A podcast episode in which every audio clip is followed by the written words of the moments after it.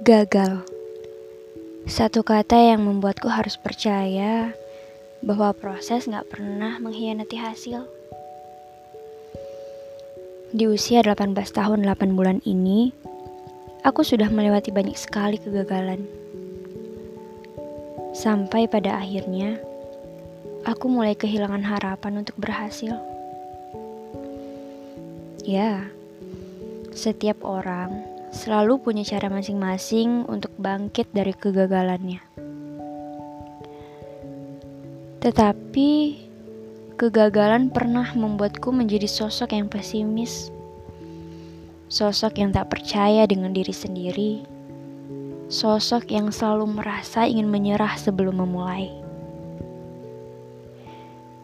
Namun akhirnya, semakin lama aku semakin belajar untuk menerima mengintrospeksi diri, dan belajar lebih baik lagi. Meskipun aku tahu, proses penerima itu gak mudah. Butuh proses yang mungkin saja memakan waktu yang lama.